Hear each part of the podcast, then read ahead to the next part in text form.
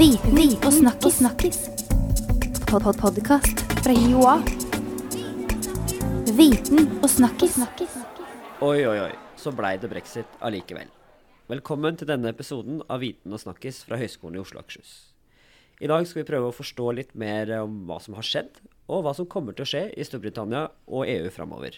Og til å hjelpe oss med det, så har vi fått med deg, Einar Øverby. Du er professor i statsvitenskap her på HiOA. Det stemmer. Velkommen. Takk for det.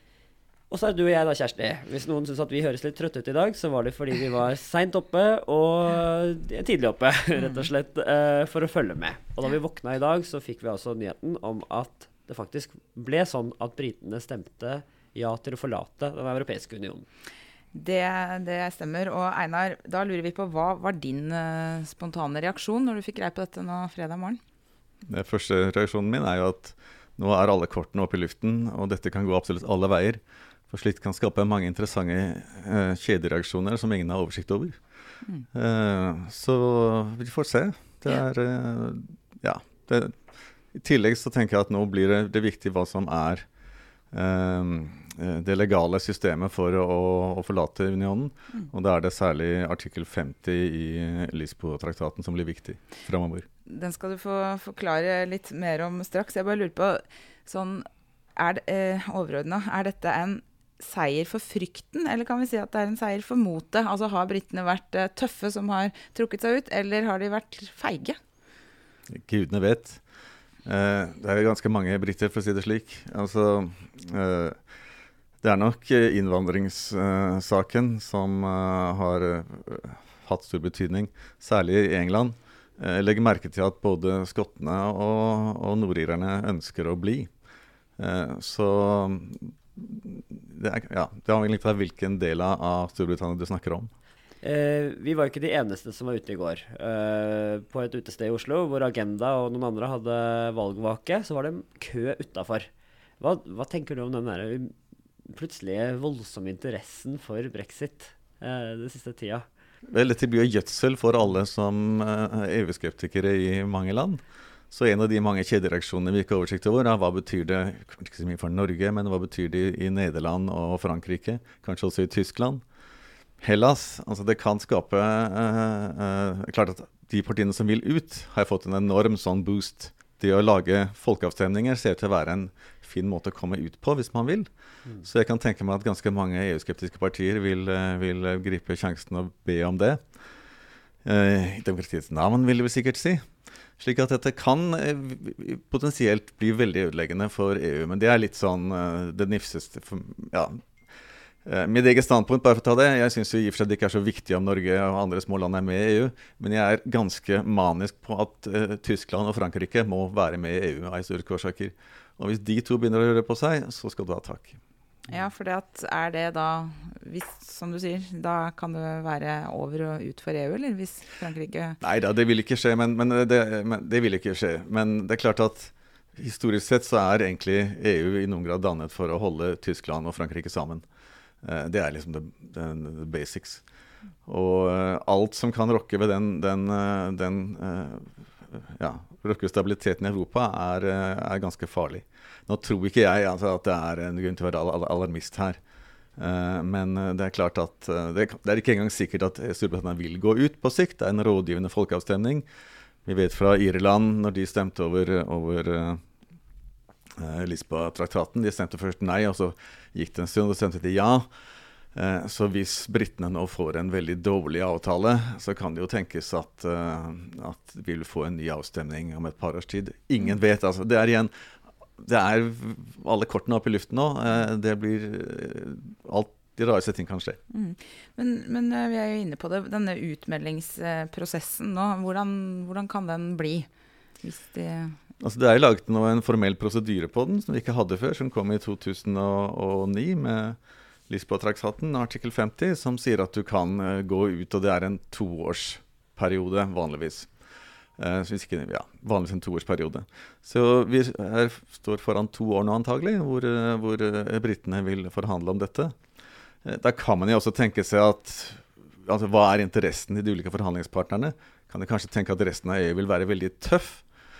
for kanskje å, å dels for å sende signal til andre land at de ikke prøvde det samme, men kanskje også for å få britene til å tenke seg om å få et nytt referendum, jf. Irland. Mm. Uh, det er én mulighet. Uh, på den annen side Storbritannia er et veldig stort land. Uh, så det er farlig å, å, å, å, skape fiendskap i forhold til det. Vi har jo også Russland. Så det er mange hensyn å ta for de som skal inn i disse forhandlingene. Men, men i hvert fall vi har en formell prosedyre, og det er jo gunstig. Det hadde vi ikke før 2009. Og det er jo, Nå fikk vi jo vite fredag morgen altså at David Cameron, statsministeren i, i Storbritannia, trekker seg, om ikke umiddelbart, så i hvert fall i løpet av høsten. Så han blir jo ikke en brikke i dette spillet. Hvem er det som skal hvem er det som skal forhandle uh, på vegne av Storbritannia om denne uh, utmeldingen? Han har sagt han vil trekke seg i oktober mm. på det konservative landsmøtet. Uh, så det er en stund til oktober, så han må jo nødvendigvis ta det sette første i sette i gang. Mm. Um, det kan hende det beskrives et nyvalg. det er jo interessant også. og hvordan det vil da Altså forholdet mellom UKIP og, og, og Labour. Det vet vi jo ikke. Så det er ikke sikkert heller at det vil være de konservative som vil forhandle. Um, det, er, eh, det, er, spennende tider i Europa nå. Det som er sikkert, er at denne usikkerheten er ikke bra for, uh, for økonomisk vekst og næringsliv og den slags. Uh, det blir en lang periode nå med usikkerhet, og det er et Europa som jo er i ganske sterk økonomisk krise mange steder. dette vil ikke være så veldig positivt for å krabbe ut av det hullet Europa har vært i eh, økonomisk sett.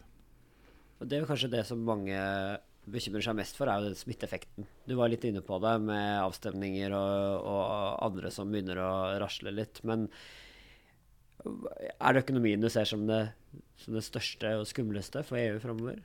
Nei, det tror jeg ikke. Men jeg tror at hvis økonomien nå blir dårligere igjen, eh, så vil de antagelig også kunne gjødsle de kreftene som vil forlate euroen, f.eks. Så det kan styrke de sentrifugalkreftene. Men det må jo ikke gjøre det. Uh, men det er ting i spill nå som som, som er helt uoversiktlige. Uh, og det vil jo være, vil være, en dårlig statsviter hvis jeg later som jeg, jeg, aner hva som vil bli utfallet av dette. Men uh, dette er det litt sånn morsomme i gåseøyne med, med, denne type politikk. Det, det skaper utilsiktede effekter. Jeg er jo en person som er meget glad i at EU holder sammen. Uh, helt uavhengig av Norge er med, som jeg mener er for så vidt ikke så interessant for andre enn oss selv. Uh, vi er et lite land, og who cares? Mm. Men, men Europa, av historiske årsaker, har jo hatt en veldig lang fredsperiode som følge av EU. Og hvis dette bryter for mye opp, så kan jo mye rart komme i spill. Altså Vi hørte i dag morges at uh, krefter i Nederland vil ha en folkeavstemning. Og vi ser jo hvem som jubler ja. uh, dagen derpå. Det er Marine Le Pen i Frankrike, og så er det høyre, ytre høyre i Nederland. Hva, da kan man jo begynne å ane hva er det dette egentlig handler om. Først og fremst denne utmeldingen og, og de strømningene. altså innvandring og fremmedfrykt og, og den lista med med hva skal jeg si? Mm. Ja, ja, med utfordringer. Hva, hva, er, det, er, det, det det handler om, først og fremst? I hvert fall så er det dette som antagelig vil være angsten for uh, lederne rundt omkring i Europa. At vil, uh, ting har kommet til kontroll. Så det man kan sitte og tenke i sin egen stue, er hva, hvordan vil de ulike partene nå gå inn i forhandlingene med hverandre, og hva vil de så å si være mest opptatt av? Og jeg tror at uh, det, det, et spennende spørsmål blir hvor, hva slags type avtale Storbritannia får med, med resten av EU, og hvor hard forhandlingene blir. Uh, men uh, ja det, altså, Sannsynligvis så, så, vil vel uh, Storbritannia ende med en, med en slags forholdsvis god avtale, vil jeg tro. Mm. men gudene vet. Men de har vel ikke vært helt sånn full, fullverdige EU-medlemmer sånn til nå heller. Altså de har jo hatt pundet sitt, eh, f.eks. Ja, og det er jo de som uh, Dette er en stor feilkalkulasjon fra Kameruns side. Det er helt klart. Jeg tror kanskje han gjorde, forsøkte å gjøre noe det samme overfor EU som Skottland gjorde overfor Storbritannia. Nemlig at de i forkant av avstemningen eh, forhandlet seg fram til en ganske god avtale. Altså Skottene fikk jo økt selvstendighet i forhold til Storbritannia for å øke sannsynligheten for at de stemte for å forbli i Storbritannia. Og Cameron gjorde noe av det samme her overfor EU, men det, altså, det lyktes da ikke. Jeg får også assosiasjoner tilbake til 1972. Jeg husker den tiden. Og den første EU-avstemningen i Norge. For uh, den kom i gang i ganske stor grad fordi uh, nei-siden i Norge uh, ikke lot seg disiplinere i av Arbeiderpartiet. Og Bratteli ville jo ha en folkeavstemning for å disiplinere opposisjonen i sitt eget parti. Mm. og så slo det andre veien, og så ble det nei-flertall. Og så fikk vi en ganske turbulent periode med norsk politisk historie også. Eh, Cameron gjorde noe det samme. Han hadde denne avstemningen for å disiplinere eh, opposisjonen i sitt eget parti. Nå slo det kontra. Nå er det mm. de som da i en viss forstand sitter i førersetet. Så det er også spennende å se hva vil skje internt i det konservative partiet i Storbritannia. Eh, som jo er eh, et viktig parti også i europeisk sammenheng. Nei, i det hele tatt. Det, er, eh, det, er, eh, det, blir spennende å følge dette. Det er nesten sånn at det er viktigere å være journalist enn forsker fremover, fordi tingene kommer til å skje så fort. Og det er bare mm. rett og slett å som dere sitter og, og, kan følge med hva som, hva som, skjer. Og det, Vi var inne på det til å begynne med. Det, det er jo ting som tyder på at uh, ungdommen, eller de unge menneskene uh, i Storbritannia, hadde ønske om å, å bli i EU. Uh, og, og, det er jo, når det handler om fremtiden, så er det jo litt sånn ironisk at det da Ja. Mm. De melder noen, seg ut. Noen andre som vel kan, man i hvert fall spekulerer om hadde lyst til å bli i EU, og som kanskje ikke vil være i det fellesskapet de er i dag, det er jo Skottland, Wales og Nord-Irland. Og der er det spekulasjonene i full gang. Hva tenker du om det? Jeg tenker jo at i hvert fall skottene, som jo hadde en veldig tydelig eh, holdning at de ønsket å bli, eh, og har et eget parlament eh, som har ønsket å markere seg eh, et scenario er jo at dette her blir, eh, blir sammenbruddet for Storbritannia. Eh, men jeg tror vel ikke det. Men, men eh, skal ikke se bort fra det. Det er klart det er, det er ting i spill nå. Og det er klart at det er for, for skottene kan dette være en, en brekkstang av dimensjoner for å, for å, i hvert fall en, lage en mye, mye løsere, løsere Storbritannia. Så nei, det er, det er mye som har skjedd i natt. Mm. Hvis man skal følge med videre, da. Eh, hva bør vi følge spesielt med på, og hva skal du følge med på? Nei, jeg eh, vil jo synes det blir spennende å følge forhandlingene. Eh, og de må jo antagelig komme i gang ganske raskt. Dette, det, ha en lang periode med usikkerhet er ikke bra for eh, næringsliv eller andre. Uh, så det blir spennende å se om, om, de andre 27 landene legger seg på en tøff linje overfor Storbritannia eller ikke. Mm. Jeg ser jo ikke helt bort fra at uh, politiske elitene både her og der vil kanskje ønske seg spekulerer jeg vilt, en litt tøff avtale for eventuelt å legge opp til en ny folkeavstemning la meg si halvannet år fram i tid, mm. eh, med bakgrunn i hva som skjedde når, når, som jeg var inne på tidligere, når Irland først avviste Lisboa-traktaten i 2008. Eh, men så, etter eh, det kom fram til at hva dette kunne bety for Irland, så hadde man en ny eh, avstemning i 2009, og da var det et ganske sterkt flertall for. Mm. Eh, men det er klart at å drive med sånn eh, political brinkmanship i forhold til velgerne kan backfire, kan slå den andre veien. Så her, er, her, driver spillere og kan spille ulike strategier, og ofte skjer det utilsiktede ting. Og det er det, det engster meg, da. Så, mm. men for Norges del så tror jeg vi sitter i vårt lille hjørne. Og jeg tror heller ikke at noen kommer til å ønske å lage noe krøll rundt EØS-avtalen. Tvert imot tror jeg resten av EU kommer til å tenke at det er nok med én stor, vanskelig sak av gangen. Mm. Så alle eksisterende avtaler vil antagelig da være, bli liggende. Ja, ingen tvil om at det er eh, spennende tider framover. Noen snakker jo også til og med En ting er økonomien og usikkerheten rundt den, men det er jo til og med noen som snakker om kan dette her liksom bygge opp under annen uh, urolighet i Europa. Altså Ja, det kan det jo. Mm. Det er helt klart. Det er jo også interessant at det landet som går ut, er en som er netto bidragsyter til EU. Uh, og det tror jeg man ser generelt fra, fra denne type uh, politiske konstellasjoner. At de som går ut, er ikke de svakeste landene. Altså, det er ikke Hellas som går ut, det er Storbritannia. Uh, og uten sammenligning for øvrig, når Sovjetunionen brøt sammen, så var det ikke Kasakhstan som gikk ut, det var Russland. Mm.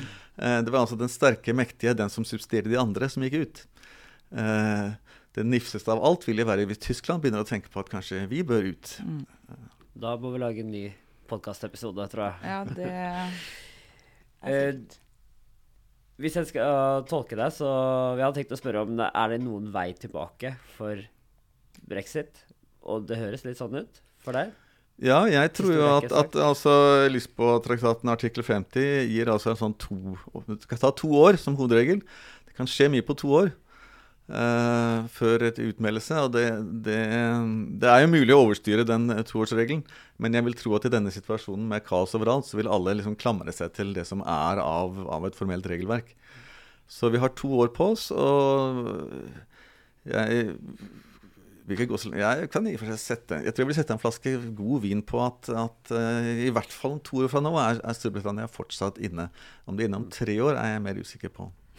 Da skal vi fortsette å følge med. Vi går tilbake til nettavisene, og så skal vi følge med i årene framover. Skal jeg gjøre sammen en god flaske vin. Takk for at du eh, stilte opp, Einar Øverby.